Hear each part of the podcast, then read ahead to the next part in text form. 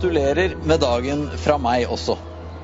Jeg har fortalt barna mine at jeg husker hvor jeg satt da de ekstra nyhetssendingene begynte å rulle 11.9.2001. Og jeg kommer aldri til å glemme synet av tårnene som raste. For man ante at akkurat nå blir vår verden annerledes.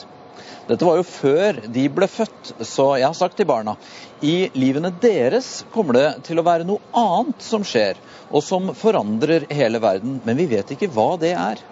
Så kom denne våren, og plutselig var det her. Så får vi vente og se hvor store de langsiktige konsekvensene av pandemien blir. For et menneske og et land kan det jo være vanskelig å se i øyeblikket hva det er som virkelig forandrer oss, og hva som bare er en hype som går over.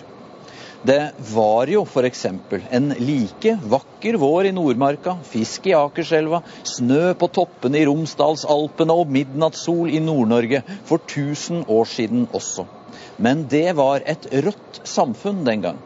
Det var et samfunn der det var lov å ta et spedbarn man ikke ville ha ut i skogen, ikke for å se våren i marka, men for å etterlates til å dø.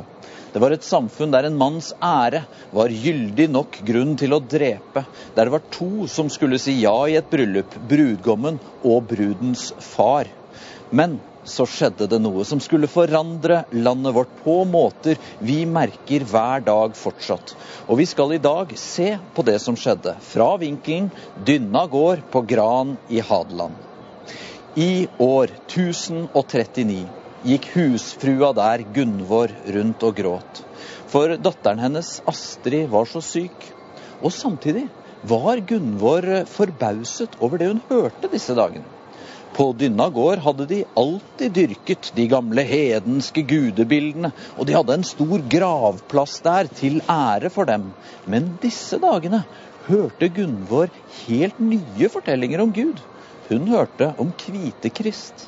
Og hun, som alltid bare hadde fått menn med maktsfortellinger om krigerguder, fikk nå høre noe utrolig. Hun fikk høre om en konge som vasket skitne føtter og tjente små mennesker.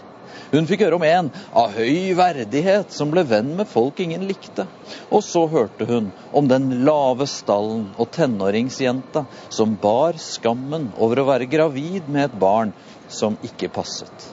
At dette barnet, som var så nakent og sårbart, var Gud selv. Det gikk liksom gjennom Gunvor, og slapp ikke. Og da datter Astrid bare ble svakere, var det disse fortellingene som bar Gunvor. En gud som var til å snakke med. En gud som var for de hjelpeløse.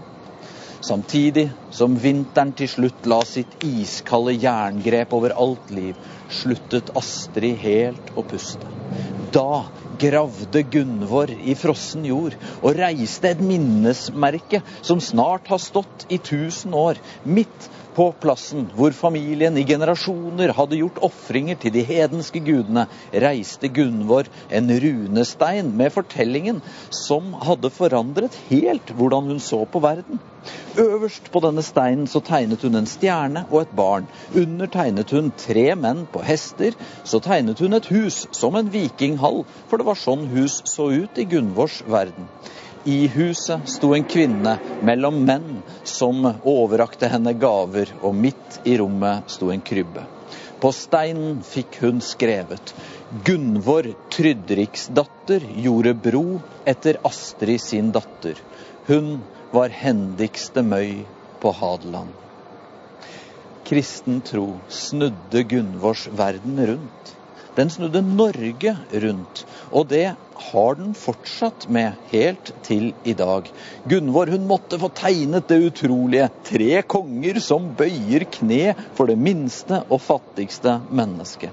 Gunvor hun fant ikke trøst i en krigergud. I Jesus så hun en gud som visste hva smerte og tap var. Og i den fortellingen fant Gunvor håp. Og i den fortellingen fant Norge håp. Det ble forbudt å sette de minste barna ut i skogen for å dø. Det var fortsatt to som skulle si ja i bryllup, men nå var det brudgommen og bruden. Og det kom andre idealer. Disse ukene her har jeg for første gang blitt blank i øynene under en pressekonferanse med regjeringen. Hvem skulle sett det komme? En journalist ville vite om ikke Erna var redd for at alle tiltakene under pandemien kunne vise seg å bli for dyre. At det skulle vise seg at vi betalte altfor mange penger for å redde de eldre i risikogruppene. Det var som om den gamle verden Gunvor hadde vokst opp i, banket på og prøvde å komme tilbake. Da svarte Erna noe sånt som at jo, kanskje vil man etterpå kunne regne og si at noe var dyrt og feil, men vi har gitt våre etterkommere noe mye viktigere. Vi viser de at vi har som verdi i det norske samfunnet at vi tar vare på alle. At vi ikke overlater noen til pandemien eller skogen.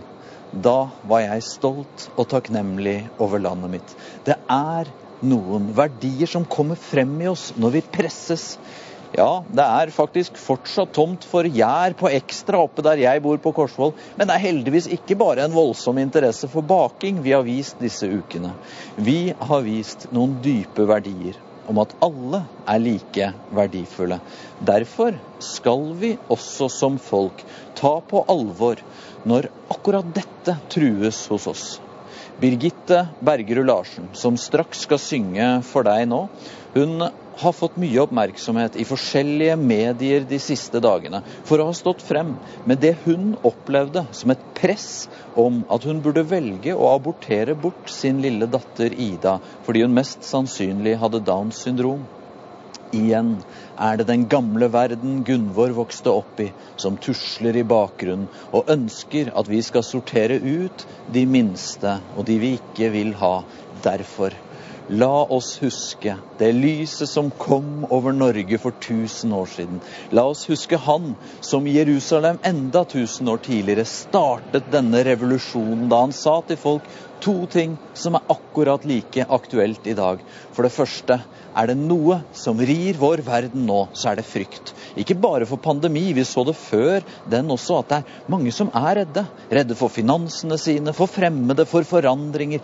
Og vi ser det i politikken. Det er lett å mate frykt og profitere på frykt. Derfor er det mange steder i verden mer polarisert enn på veldig lenge. Kløften mellom mennesker er dypere. Fattige, rike, unge, eldre, innvandrere og andre. Men da skal vi huske at det er ingen som hadde mer grunn til å være redd enn Jesus. Han hadde tempelet på den ene siden, med det religiøse lederskapet som ville bli kvitt han, og så hadde han det romerske imperiet på den andre siden, som ikke aksepterte noen annen konge enn keiseren i Rom, og som i hvert fall ikke nølte med å drepe.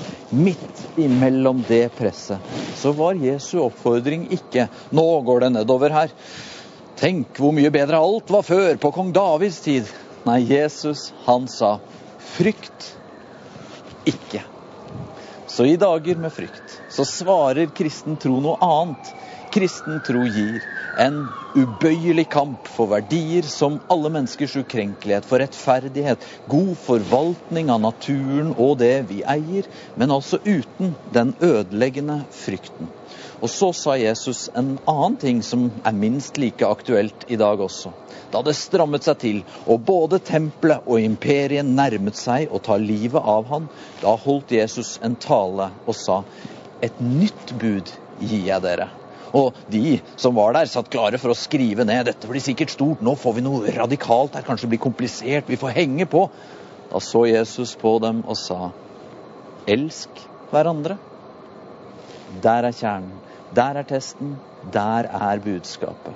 Og det var det de nølende første tilhengerne gikk ut med, og som spredte seg som en ild gjennom hele imperiet. Og etter 300 år så var keiseren selv en kristen. Og noen hundre år senere så nådde dette budskapet helt opp hit ved Nordpolen. Og da forandret det alt. Så noen nyheter er store nok til å forandre vår verden. Men den største av alle nyheter, det var ikke 11.9.2001 eller korona i 2020.